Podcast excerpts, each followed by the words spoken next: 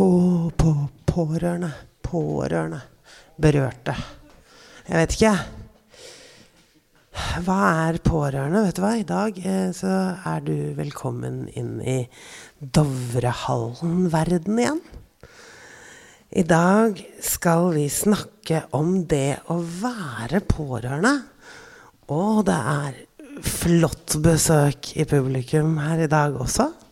Eh, jeg vet ikke noe bedre enn deg om de er pårørende eller rusavhengige. Det jeg vet, er at jeg er en pokkersfyllik, en rusavhengig, en med avhengighetssyndrom.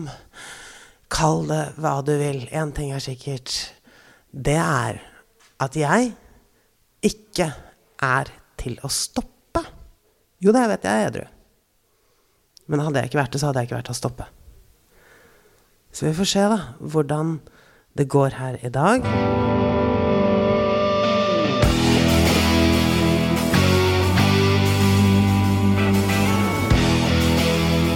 Vingeskutt, skutt, skutt. Så,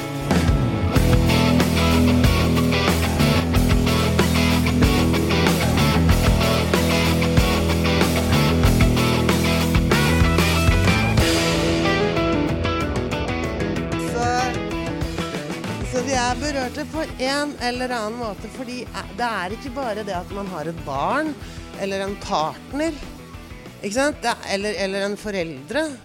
Hva, hva, med, hva med kollegaen på jobb? Eller hva med onkelen din? Enda mer slitsomt. Hva med sjefen på jobb? Som aldri er full på jobb, men rimelig irritert nå, da du vet aldri hvorfor. Eller når. Hva med læreren? Jeg har jo masse eh, Fordi at jeg, jeg har jo vært ganske offentlig før denne podkasten kom ut. Ikke sant? Eh, altså jeg, det, Og det er sånn tall jeg syns er veldig fint å snakke om. Fordi at det er sånn man Tilbake til eh, Som vi har snakket om før, før her. Altså, det er så vanlig. Jeg har ja, ni, akkurat ni er det. Ni barnevernspedagoger som er drita fulle på i min innboks. Ikke sant? Jeg har over ti eh, ruskonsulenter som er drita fulle på min innboks. Mange lærere. Man skulle tro det var kunstnere og sånn. Er det ikke det man tror hele tiden? Er, de fleste jeg snakker med, de er, er, er akademikere på et eller annet vis. Eh, og det med ha-ha skal man tenke ha-ha, ja, Fy faderen, altså. Noen som jobber i barnevernet, som driver med det der. Fy fader, så. Det har ikke noe med saken å gjøre. Det viser bare hvor vanlig det er. Det er et stakkars menneske der ute som sliter med avhengighetssyndromet. Det har ikke noen ting med stillingen din å gjøre. Ikke sant? Så det er altså det vanlige innenfor rusavhengighet. Og så mange pårørende. Vi er Jeg er også pårørende. Jeg har ikke gjort den jobben, da. Så jeg sliter med det. Lever i beredskap nå, både nå og da. Eh, så jeg vet ikke med deg der ute. Tror du det er håp? Er det håp? Kan man hjelpe en rusavhengig? Hva tror dere for noe? Jeg trodde det. Hvorfor tror du ikke det lenger? Eh, nei, for det viste seg at jeg tok feil. ja. Men eh, jeg trodde det veldig lenge. At jeg kunne endre bare jeg var sterk nok eller grei nok eller tålmodig nok. Ja. Hjelpe, hjelpe den det hva, kan, du si noe om det? Hva, hva du gjorde for å hjelpe, hjelpe den det gjaldt? Eh, jeg ga sjans på sjans, da. Det var det jeg gjorde. Jeg trodde at det blei bedre. Ja, og så var jeg sint nok, eh, og da var det stopp en stund. Og da tenkte jeg nå, nå går det bra. Ehm, eh, ja, fordi at eh, Det denne personen gjorde, var vel bare å stoppe. Fordi altså personen eh, stå, trodde vel også at, at, at den personen hadde klart det, tenker jeg. Ikke sant? Eh, så det er jo det, det Vi i vår skam, vi, vi, vil jo stoppe, og så klarer vi det en god stund. Ofte. Ofte. Men hva, hva, tror dere, andre som sitter her? Er det håp? Jeg er vel der hvor hun er. At uh, jeg uh, har gitt opp, uh, mer eller mindre. jeg har skjønt at det er i hvert fall ikke noe jeg kan gjøre som kan få vedkommende til å stoppe. Nei, og det, det er det det er, det er veldig ålreit at dere sier det, fordi det er det som er utrolig viktig for meg. Jeg har ikke gjort jobben som pårørende, så jeg er ikke Hva er det de kaller det? Er det en bevisst pårørende de kaller det? Jeg kan ikke den jobben, men jeg kan jobben med rus. Jeg vet at man lever i beredskap når man er pårørende. Fordi jeg lever i beredskap selv. ikke sant? Ja, Et lite øyeblikk. Der kommer det. Veldig bra.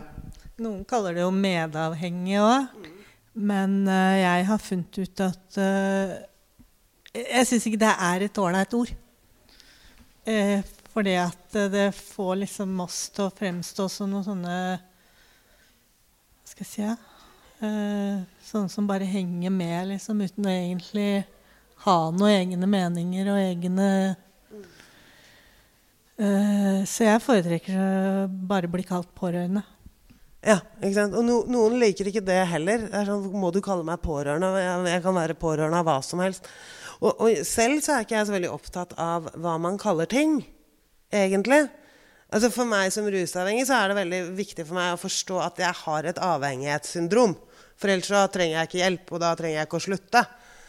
Men, øh, øh, og det er også viktig for meg å forstå at det ikke er håp når jeg er berørt av noen andre. Ikke sant? Så hva, hva, hva tenker dere eh, helt bortest her om, om håpet? Jeg, jeg tenker at, eh, at, det er viktig å ha et håp. Og det jeg tenker, er at jeg har en som jeg snakker med, men jeg sier at jeg er bekymret for vedkommende. For da, Istedenfor å få vedkommende til å slutte med det han holder på med. Men ja, han, eh, han må ville det selv. Jeg er veldig opptatt av eh, Han må ville det selv. Ikke sant? For jeg er veldig opptatt av dette ordet her. Noen eh, jeg, jeg, kjenner en del bevisste pårørende som jobber med det de står i, på den samme måten som vi avhengige gjør. Går dit hvor det er likesinnede, og lærer seg hva man skal gjøre.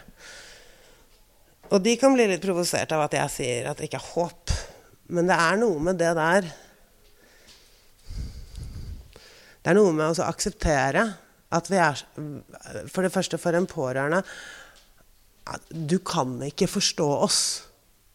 Denne driften jeg har, den kan du ikke stoppe. Nå, nå, nå, snakker jeg som aktiv rusavhengig. Det tar meg et halvt sekund å ta på meg hatten. Så fra nå av og litt fremover så skal jeg snakke som det. Ok? Jeg skal ut etter den. Jeg er skuespiller også, og jeg er vant til å stå med mikrofon uten å drikke når jeg er på scenen. Men nå skal jeg tenke at jeg skal ha en øl etter at jeg er ferdig på scenen. Og det kan ikke du stoppe.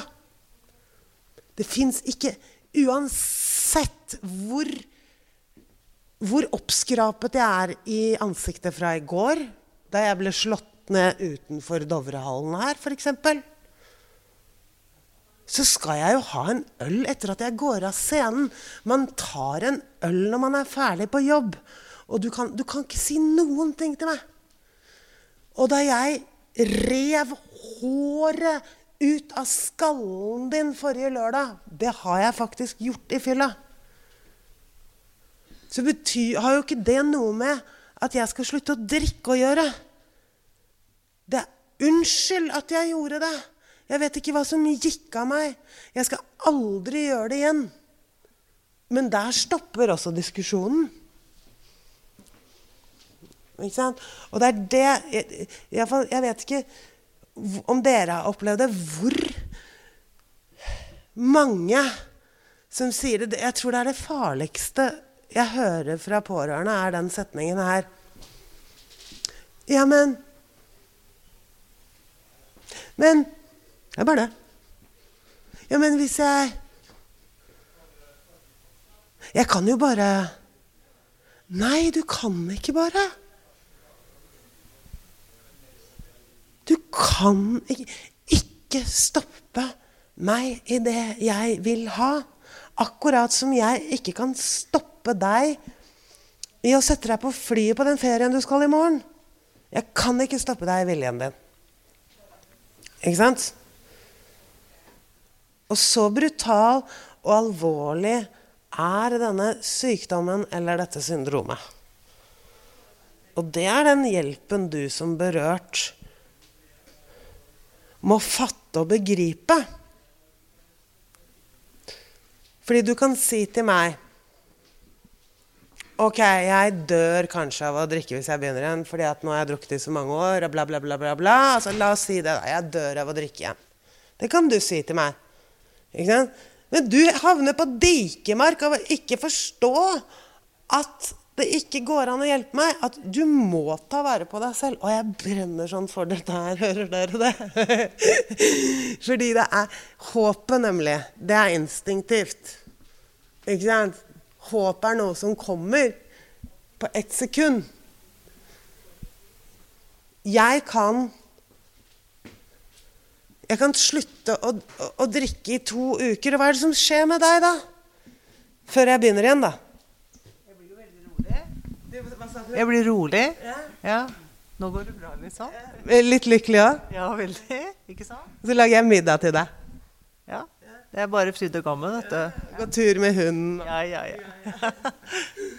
og så er det jo den derre smellen, ikke sant. For at det, eh, Nå er ikke jeg samboer med han jeg var, eh, levde med lenger. Men, men, men, hadde han bare drikke på tirsdager, vet du, da hadde, jeg, da hadde jeg vært forberedt. Da hadde jeg jo Da hadde jeg visst at det var tirsdag, og da var det greit. Men eh, det tok altså helt eh, fra å være helt oppegående, stødig dame til å bli helt eh, utafor av den eh, uvissheten, da. Og det er skikkelig drepende, altså. Ja. Så etter to uker så var det liksom Så var det borte igjen, liksom. Og det til neste gang, da. Ja, det, det er enda verre med de gangene, fordi det, det vi kan finne på å gjøre, vi rusavhengige også, eller hva sier du, det er eh, å holde opp i to måneder. Ja, ikke sant? Men det var jo sånn det var. Det er jo sånn vi levde. Ja, ja. Så, så, og det er jo ikke det. Vi ljuger jo ikke, vi heller. Eller, eller hva, er det noen åpne rusavhengige her? Altså, vi, vi ljuger ikke, vi heller, når vi sier at vi, vi slutter. Vi vil jo Det er jo vi, vi, har det jo vondt. Det er bare det derre frustrerende svaret som er at man ikke har fått nok. Ja, men jeg har fått nok, tenkte jeg så mange ganger vi sier det til dere, at vi har fått nok. Vi ljuger ikke da heller. Vi har det jo akkurat så vondt som, som vi sier, og som vi føler. Det er bare det at vi har ikke kommet dit hvor vi gjør den jobben som er prosessen. Ikke sant? Men du, eh, um, hvis man sier til en man bryr seg om, at eh, 'jeg er bekymret' eh, jeg er her altså, Har det noen effekt i det hele tatt? Overhodet ikke. Det er helt bortkasta energi? Ja. Shit. Rett og slett. Jeg, jeg, jeg bør ta meg nå, nå, til dere. da Jeg later som jeg er kjæresten og mannen og barna deres. Bare for å Men altså Når du sier at du er bekymret, så er du enten jævlig pes Eller hvis du sier at du er bekymret fordi jeg har vært slem og har slått deg, da har jeg dårlig samvittighet. Men rent bortsett fra det, så er du bare pes, altså. Ikke sant? Jeg er, be, oh, faen, jeg er bekymret. Og hun er så bekymret. Altså. Fy fader, jeg er så innmari lei av henne. Hver eneste gang vi skal gå ut så liksom, Jeg kan ikke ta to glass vin eller gang, gang før Pia begynner å si 'Jeg er så bekymret'. Jeg. Skjønner du? Ja.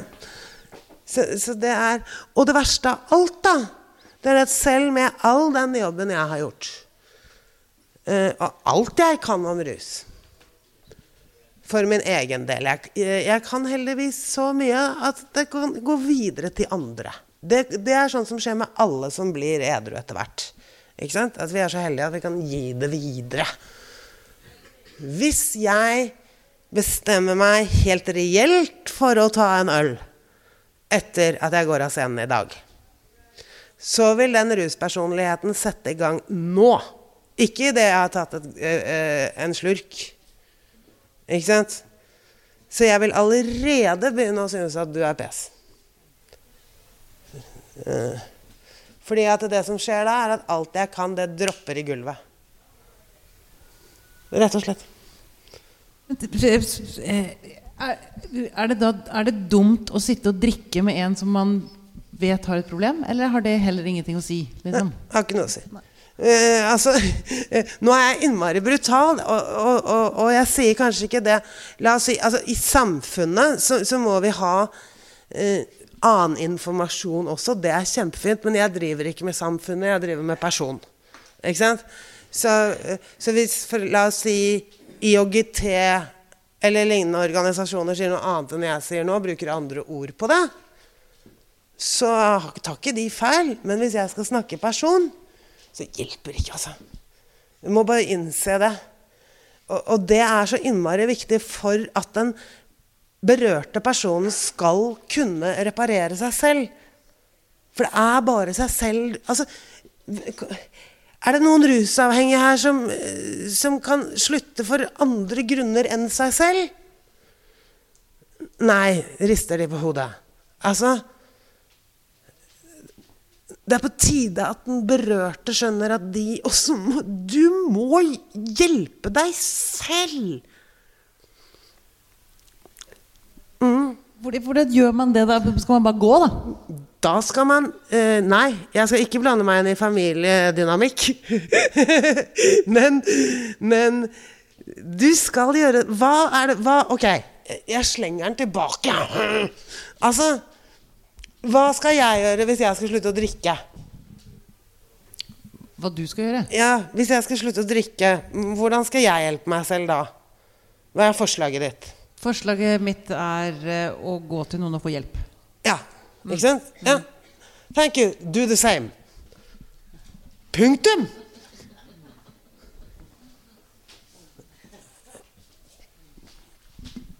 Nei, altså jeg har jo egentlig bare resignert. Uh, dette gjelder jo min samboer, da, eller mann.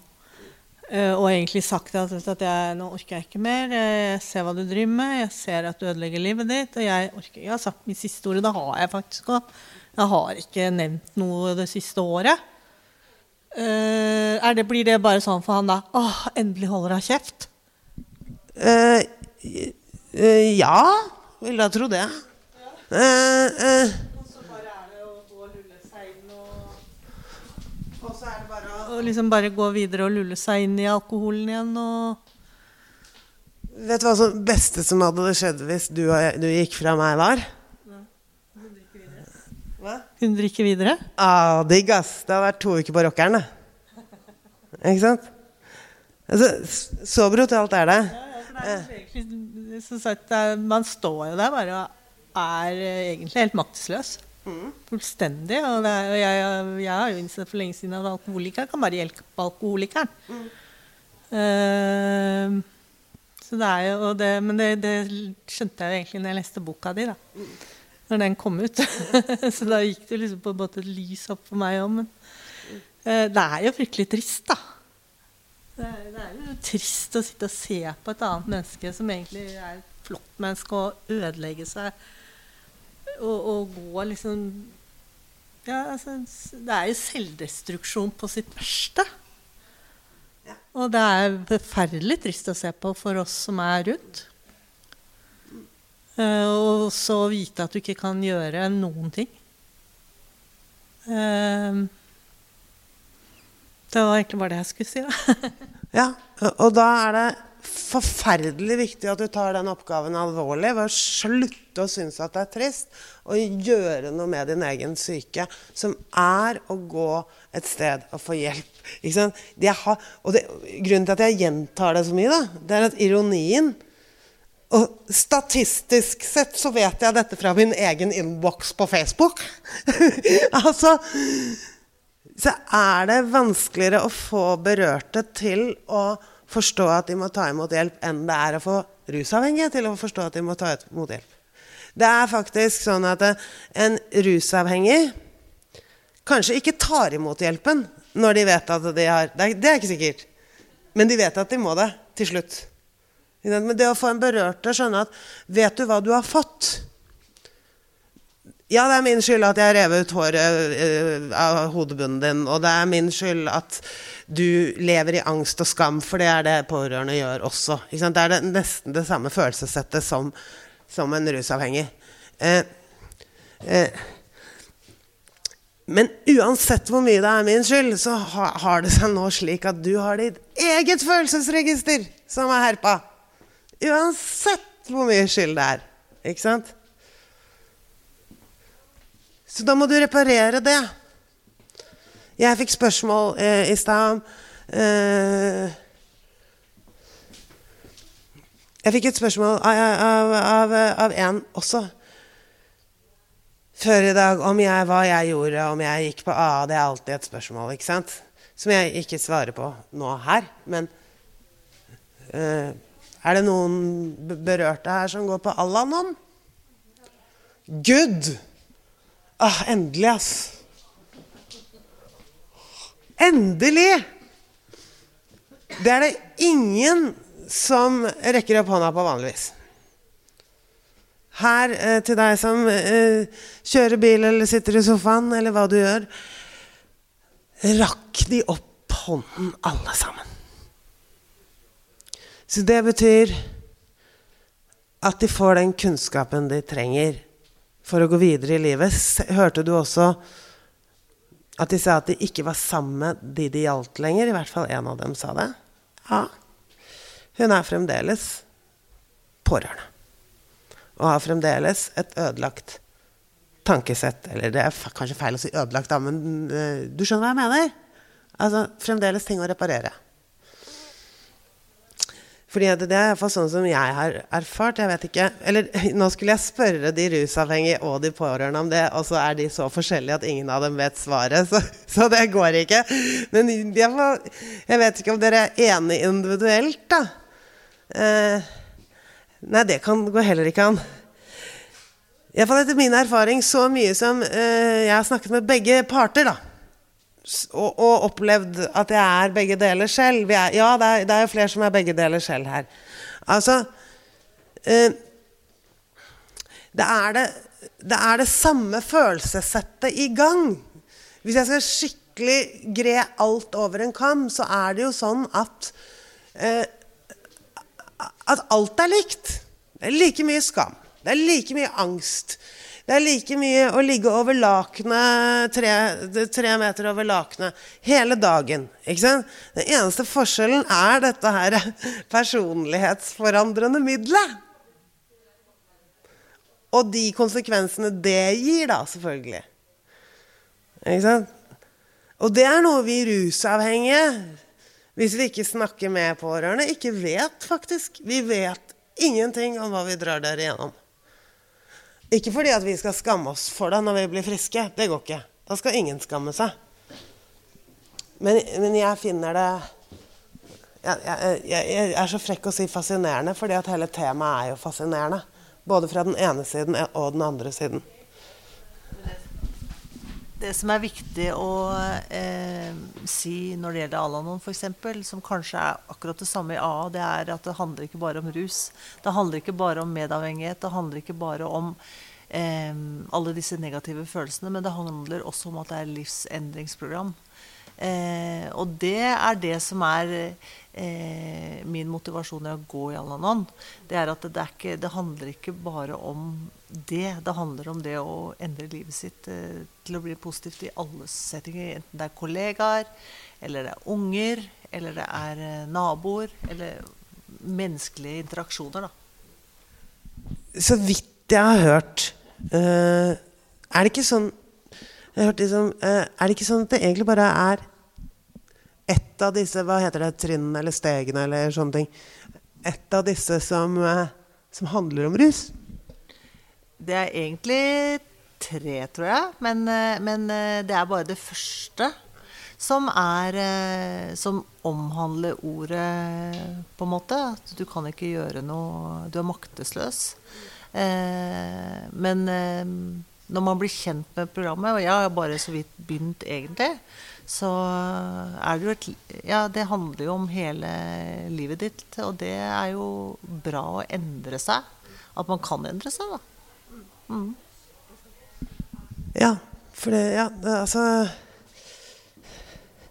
jeg, jeg har hørt det i hvert fall, at det er eh, Rus er bare en liten del av det. Fordi det er en liten del av rus, eh, av rus i det hele tatt, er rus. Mesteparten handler om hjernen vår. Ikke sant? Og om hvordan vi lever og er satt sammen. Rett og slett. Altså, og det er også det som er så fint når man finner steder å dele det, at du skjønner altså, i, Ok, vi er unike mennesker og alt det der, det er flott. Kan vi ta oss og legge det på hylla litt, for det vet vi? Kan vi bare vite det? Så kan vi si at uh, her er vi ikke unike, og det er så digg. Det er så deilig at det er det å oppdage at man ikke er gal i Nei, ensom i sin galskap. Rett og slett. Ikke sant? Så så det kom på eh, Forrige gang vi var her på Dovrehallen, så ble det stilt et spørsmål mot slutten hvor, som var Hva ville du gjort hvis barna dine havna på galeien? Ikke sant? Og det er jo Hva ville dere gjort hvis barna deres havnet på galeien? Nå kommer det en her. det har jeg allerede gjort. Eh, et av barna mine, jeg sier ikke noe mer, holdt på å havne på galeien. Og jeg, eh, da ble jeg så fortvila, og det begynte med at jeg ringte faktisk kirkens eh, nødtelefon. Er ikke det det heter? Den derre SOS-telefonen. Og fikk snakke med en fyr som jeg snakket med i to timer. En veldig fin fyr. Og han øh, ga meg et tips om hva jeg skulle gjøre. Men altså, Den sier ikke at ting har løst seg, for det har det ikke. Men øh, jeg fikk noen tips av han, og jeg fikk nå tatt litt tak i dette barnet. Og enn så lenge så så går det bedre, i hvert fall. Um, men altså, det er ikke noe oppskrift. Dette er ikke noe, det er ikke noe som har løst seg, eller noe sånt. Men jeg fikk nå i hvert fall komme i dialog da, med barnet mitt. Og det syns jeg var viktig. Og at jeg eh, som sagt, jeg reagerte med å bli rasende. Eh, for det gjør man jo, men jeg skjønte jo fort at skal jeg nå inn her, så kan jeg ikke bli sint. Jeg må ha en dialog. Så jeg endte med at jeg skrev en lang melding til han på Messenger hvor jeg fortalte at eh, du er barnet mitt, og jeg er glad i deg, jeg er moren din. Og hvis ikke, hvis ikke du vil ha hjelp, så kan jeg ikke hjelpe deg. Men hvis du tar imot hjelp, så skal jeg prøve så godt jeg kan. Og jeg kommer til å støtte deg hele veien uansett. Så da kom jo han til meg da, og sa at uh, jeg vil jo gjerne ikke begynne med dette her. Jeg vil ikke ligne pappa. Nå er vel kanskje jeg litt veldig åpen her nå, men nei bare sånn er. Og, jeg tenker at uh, Men barna er jo faktisk det viktigste. Uh, selv om barna mine er voksne, så er jeg mammaen deres fortsatt. Men du ringte altså Kirkens nødhjelp, eller SOS-telefonen. SOS ja. Uh, men var det, var det, var det kom, ble, han, ble, han, frisk av at du ringte dit? Nei, nei, nei, nei langt over. Men det hjalp meg. Ja, det, ja, ikke sant? Det hjalp deg. Det, ja. Mm. Fordi at jeg ble så fortvila at jeg visste ikke hva jeg skulle gjøre, rett og slett. Eh, og, og jeg har aldri ringt en sånn telefon før noen gang. Det, men det, også, det var jo en terskel, bare det. Men jeg gjorde det og fikk i hvert fall snakke med et menneske, da. Fordi det er innmari viktig. Altså, altså, det er dessverre så brutalt. Da. Det er ikke noe skille, selv om du har, uh, om du har søte, små uh, barn med lyse krøller som løper rundt i, i gress og plukker epler. Altså, hvis de havner på galeien, så går det ikke an å hjelpe de noe mer enn det går an å hjelpe andre. rett og slett. Ikke sant? Uh, sånn sett, altså med hjelpe, da mener jeg Unnskyld, da mener jeg stoppe. Men er det ikke en forskjell eh, hvis man akkurat har begynt og man har holdt på i 30 år? Er det ikke lettere å ta det i begynnelsen, liksom? Eller er det helt Har du noen gang bare, bare la oss tenke tilbake på historien nå. Så skal vi gå helt tilbake til Ludvig den 14. Eh, så eh, bare altså Istedenfor å svare nei, som jeg gjør som regel altså, Det er ikke det at vi ikke skal hjelpe folk, det er ikke det jeg sier. Og det finnes masse informasjon i samfunnet som skal være der, som sikkert hjelper oss masse. Men har du noen gang klart å stoppe noen i den sterkeste viljen deres? Nei, ikke sant? Så, og, og, og, det hjelper ikke med sløyfer i håret, da. Altså Det som hjelper, det er å være den myke puten de trenger når det er ille ute. Jeg sa ikke 'hjelper, det tar deg ikke bort fra rusen', men det er alt vi kan gjøre. Ikke sant? Og som du tok opp, da. Kjeft. Å få kjeft, er det mange her som liker å få kjeft, eller? Pleier dere å dra hjem til partnerne deres og si ting bare for å så bli beskyldt resten av kvelden, sånn helt ut av det blå? Ikke sant? Det er altså Altså, kjeft Jeg oppdro barna mine til at de aldri kom til å få kjeft for rampestreker. Altså da blir det samme som rus når de blir litt eldre. Ikke sant? Og det gjør det ikke. Men de trodde ikke på meg, så jeg måtte få det bevist mange ganger. Det var en gang det ble stjålet i en butikk av en av de, og eh, jeg ble ringt fra barnevernet og politiet, og, og den lille kom hjem. Kjempeskamfull. Og da tenkte jeg nå kan jeg bevise det, for dette er så konkret. Så jeg sa til det ene av de små barna mine Neimen, kjære deg. Altså, her vet du hvor blakke vi er for tiden. Og alt du gjør, er å stjele en T-skjorte. Og lille barn ble satt og måpte og skjønte forventet så mye kjeft. Så det var min første mulighet til å vise at nei, du får ikke kjeft. Ikke sant? For det er innmari viktig, og her er mange uenige med meg. Så jeg sier ikke at jeg har rett. Det er utrolig viktig, for meg i hvert fall, å skjønne at for mine barn så er det ikke helsefarlig med rus enda. Altså, de får ikke skrumplever av å ta seg en øl. Ikke sant? Og de dauer ikke av en strek med kokain, sannsynligvis. Men det som er farlig med rus og unge mennesker, det er konsekvensene av hva som skjer i rus. Ikke sant? Og jeg kan love at hvis barn er vant til å få kjeft for rampestreker, og det vet dere sjøl òg, og får konsekvenser som eh, husarrester eller masse kjeft for den minste ting. Ikke får lov til å dra til byen fordi det er farlig der. For det første, da drar de til byen. De bare sier det ikke til deg. Ikke sant? Altså, de kommer heller ikke til å ringe hjem når de ligger drita fulle, 14 år, voldtatt i en grøft, grøft, hvis de tror de får kjeft fordi de er drita fulle. Ikke sant? Det er det som er farlig, og det er det Altså, jeg, jeg, sånn som, Nå skal jeg være litt Nå skal jeg bare si det rett ut.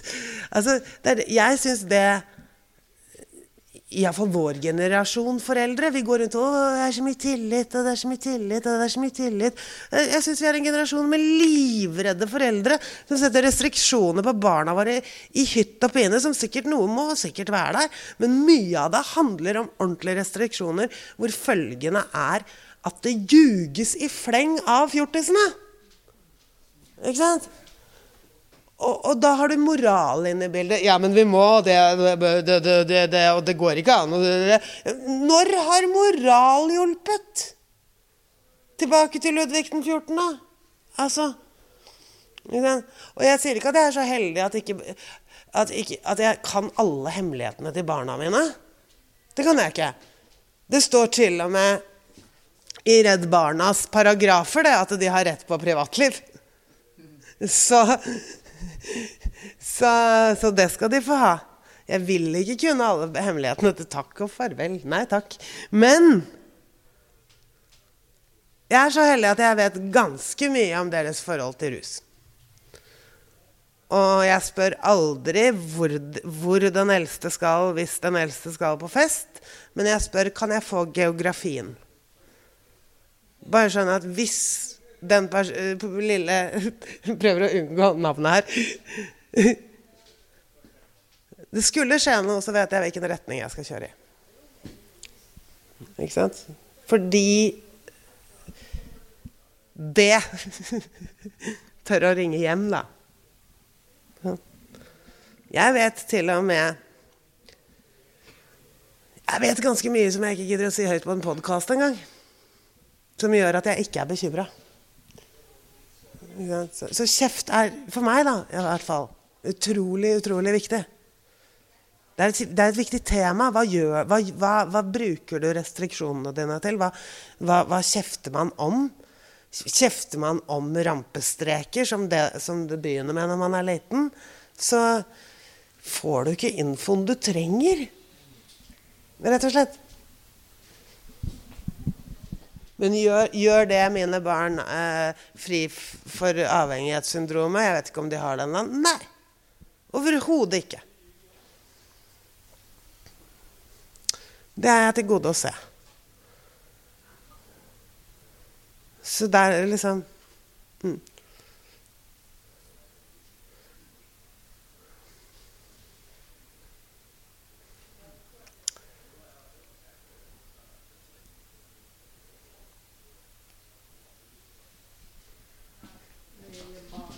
Eh, når det gjelder barna og rus, så er det jo som du sier, det er jo faktisk ingenting vi kan gjøre. Eh, jeg også sa jo det til barna mine når de begynte å gå ut, at eh, det, når man er under 18, så har man jo ikke lov til å drikke. Og det er greit nok, så det forholder ikke jeg meg til. Og håper jeg slipper det òg. Men hvis du blir drita full og ikke klarer å komme hjem, ring meg. Og det jeg opplevde, det var jo det at mine barn ringte meg, og dems venner kjente meg. Fordi jeg ikke fikk lov hjemme og hadde bare fått kjeft. Så jeg har tatt imot noen som har vært på fest. Som har vært veldig takknemlig fordi at jeg har vært så ålreit. ja, jeg også den, lever også med den dobbeltmoralen der. Eh, eh, så, som gjør at man kan ta imot flere, kanskje i fremtiden òg, når det blir verre for dem. Fordi man ser jo litt av det òg, de tendensene. Eh, så det er Men det er det jeg har om det. Um, er det noen flere spørsmål her ute? Yes. Vi se om den går hele veien, eller om ledningen går hele veien. Eh, jeg vet ikke om det er så mye spørsmål, men noen ganger så kan jeg tenke som pårørende at uh, man liksom skal unngå visse triggerfaktorer. da, Eller visse ting å gjøre eller si eller væremåter for liksom ikke trigge noen til å enten drikke mer eller liksom ja, drikke generelt. da. Og jeg vet ikke om det på en måte er en tankegang som egentlig er litt sånn way off, eller om, om det egentlig er en reell tanke å burde ha, da. Hvis du skjønner litt hva jeg mener. Det var litt vanskelig spørsmål. Nei, nei, nei, det var ikke så vanskelig. Er ikke det et sånn litt medavhengig spørsmål? Er det ikke der medavhengig kommer inn? Eller dere som vet det? Nei. Ja, det, at man ikke bare At man liksom tar over den avhengighet i seg selv, tenker du? At man tenker at hvis jeg gjør noe, så påvirker det til å drikke mer, eller generelt drikke, da? Ja, altså leve, leve den, den, sitt liv, da. Ta hensyn hele tiden. Ja. Jeg vet ikke. Og det blir liksom ja, Er det egentlig noe man burde liksom legge Jeg vet ikke om man kan svare på det konkret. Om man burde liksom legge det bort, litt bort, eller om det kan være en reell faktor at hvis man trykker på noen knapper, da, så blir kanskje noen mer tørste, da. Ja. Hvis du skjønner hva jeg mener. Jeg, jeg, kan, jeg, kan, svare sånn, jeg kan prøve så konkret jeg kan å svare uh, uten, at det, uh, uten, at det, jeg sier, er, er noe lov eller, uh, eller banka inn i stein. Altså, Det spørs hva, hva slags forhold du har. Altså hvis hvis du, hvis du er, er i, i, i et forhold, eller altså en, har en relasjon til en som faktisk går prosessen, da Som faktisk en, enten da går på AA eller er innlagt eller lenkende eller eh, A-alarm eller hva som helst eh, Og du er trygg på at det er en prosess, og du er kjipp på å hjelpe til i den prosessen, så kan du jo selvfølgelig ikke gjøre noen ting, men da begynner vi å snakke om litt andre ting. Sånn som for eksempel, spesielt hvis man er partnere, eller ja, bare i samme rom, så, så, så går det jo an å, å, tenke på hva er triggerne til den personen. Man, og det kan man hjelpe til med kanskje et år. Altså, ikke, det at man skal drite i å drikke og sånn, men, men hvis, hvis du virkelig vil hjelpe den andre da, som jeg skjønte ut av spørsmålet, er det meg det gjelder, da. At,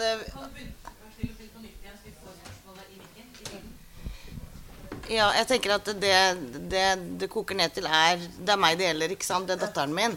At hun må være forsiktig med hva hun sier eller deler eller sånne ting. For at det skal få meg til å kanskje drikke mer, da. Enn uh, i Bli sårbar i visse sammenheng, da. At man holder ting tilbake så ikke jeg skal reagere og ja, og drikke kanskje enda mer vin, da, fordi at det har kommet opp noe diverse ting. Og at man da får et sånn kunstig forhold sammen. Mm.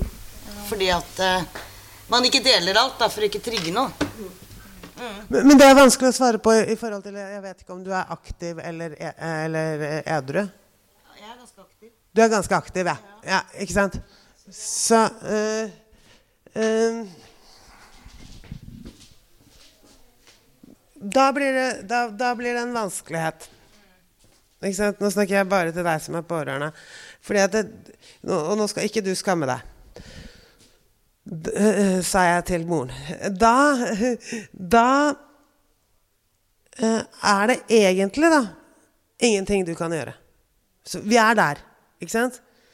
Uh, du kan Du må leve du, Ok, da ble, ble det viktig plutselig. Det du må, det er å gå rett borti gata her. På hva, hva står det stille? Kompasset. Blåkors på kompasset. Og lære deg hvordan det er å være pårørende. Ikke sant? Uavhengig av hva moren din føler om det. Eh, nå skal ikke mor skamme seg så, i det hele tatt. Men det, det dere lever da, er eh, hvert deres eh, liv når det kommer til rus. Ikke sant? Hvis, hvis, moren din hadde gått på AA eller et sånt sted hver, hver, dag og gjort den prosessen, kunne, da kunne du begynt med det jeg skulle til å si. Som er OK, kutt ut gullrekka i et år. Altså Sånne rare små triggere som bare moren din da kunne fortalt ham. Ikke sant? Da hadde hun visst at 'Å, mamma, kan vi ha biff i dag?' Så kunne hun sagt til deg, 'Vet du hva, kanskje vi skal vente med biff?' Altså, det er sånne rare små ting som man oppdager når man er edru. At oi, det er ikke noe gøy å spise biff uten rødvin. Altså, det blir noe annet. Så det, det, du skal gjøre, er faktisk det jeg har snakket om hele tiden. Det er brutalt. Det det ikke har noe med å gjøre, det er kjærlighet. Så du skal ikke ta hensyn til moren din, men deg selv. Det betyr ikke at du elsker henne noe mindre. Og jeg tror aldri hun kommer til å tro det heller. Det betyr ikke at du skal bli slem. Ikke sant? Nei. Det, det, betyr, det betyr, bare at det, du lever i et større beredskap enn moren din vet, og du selv vet. Men det du lever i helt ærlig, fordi at jeg vet det sjæl, det er at du våkner om morgenen og lurer på hvordan dagen skal bli. I forhold til mengde og sånne ting. Jeg vet at moren din syns dette er veldig vondt at jeg sier. Fordi at eh, når man er aktiv, så er man ikke helt uh, klar over de tingene selv heller. Ikke sant? For det går ikke an å lære de før man blir edru. Fordi at skallen vår er satt sammen. Så, men det er ikke noe å skamme seg over. Det, det, uh, det er det, det, er det første som må bort da, fra Moren din kommer til å skamme seg uansett når hun våkner om morgenen noen ganger og noen ganger ikke. Men du har ikke noe å skamme deg over på den måten av at mor, du kan faktisk begynne å lære deg at moren din er ganske vanlig. Ikke sant? Ikke bare ganske vanlig, hun er sannsynligvis vanligere enn de fleste andre. Ikke sant? Så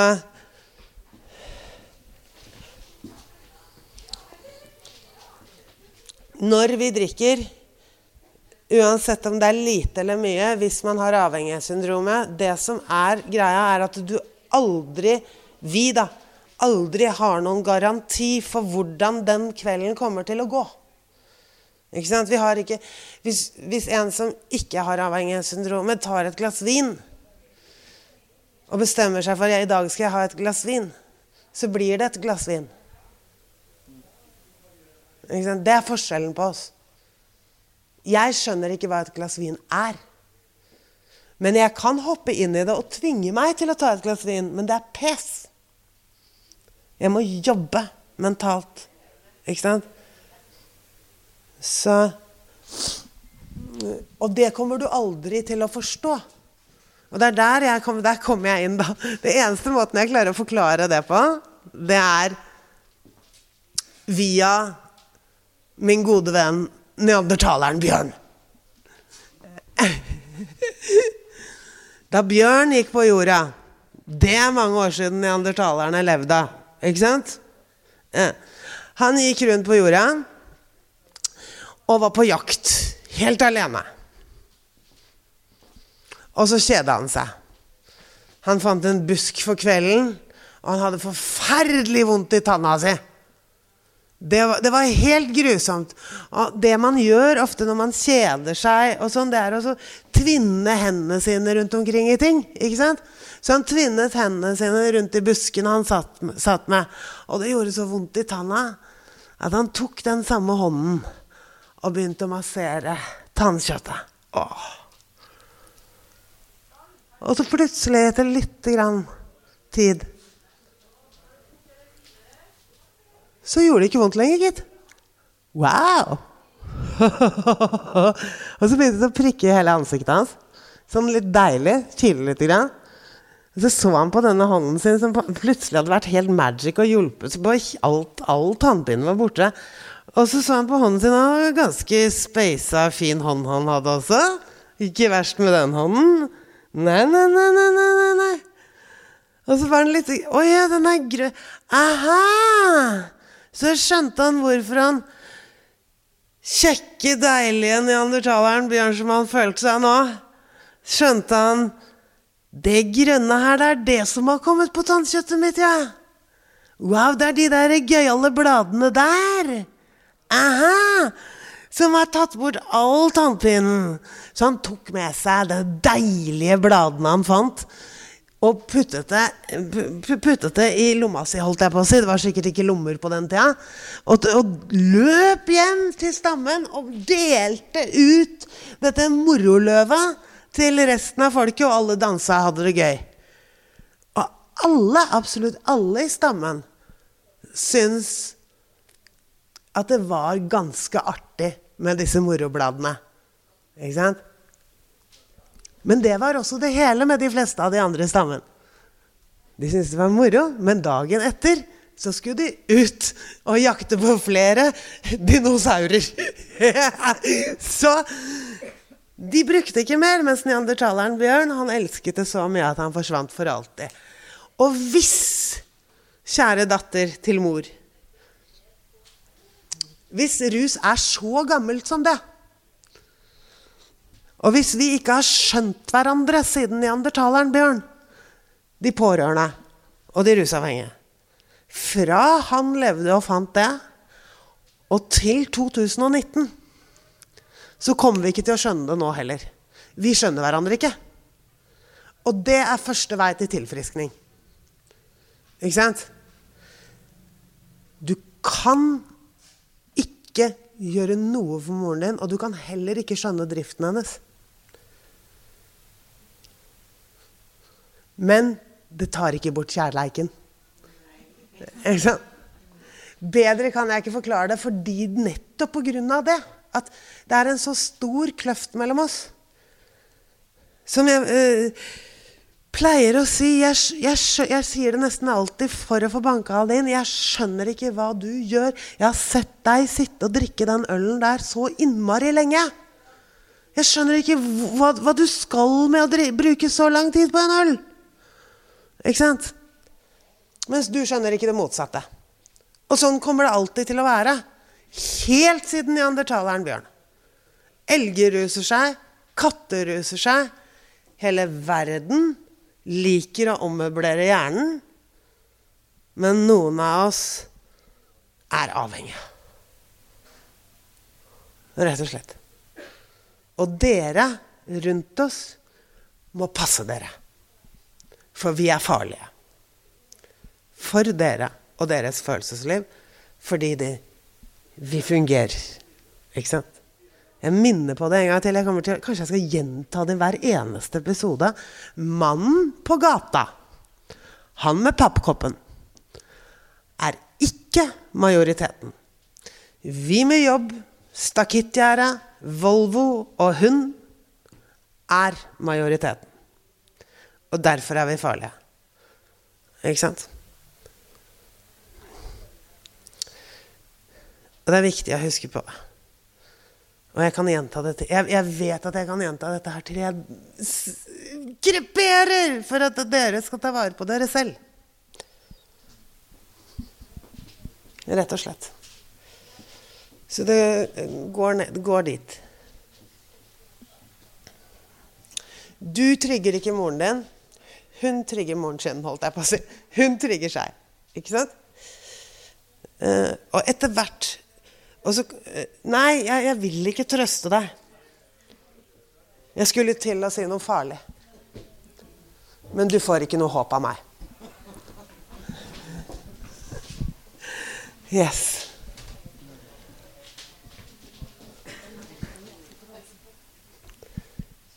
Tusen takk, dere. Er det noe mer som rører seg blant dere? Er, jeg vet det er brutalt, men vi skal ikke ljuge. Det er faktisk en av de viktigste tingene vi nyktre begynner å lære oss, er at vi ikke skal ljuge. Og da skal vi heller ikke pynte på. Pling, plong.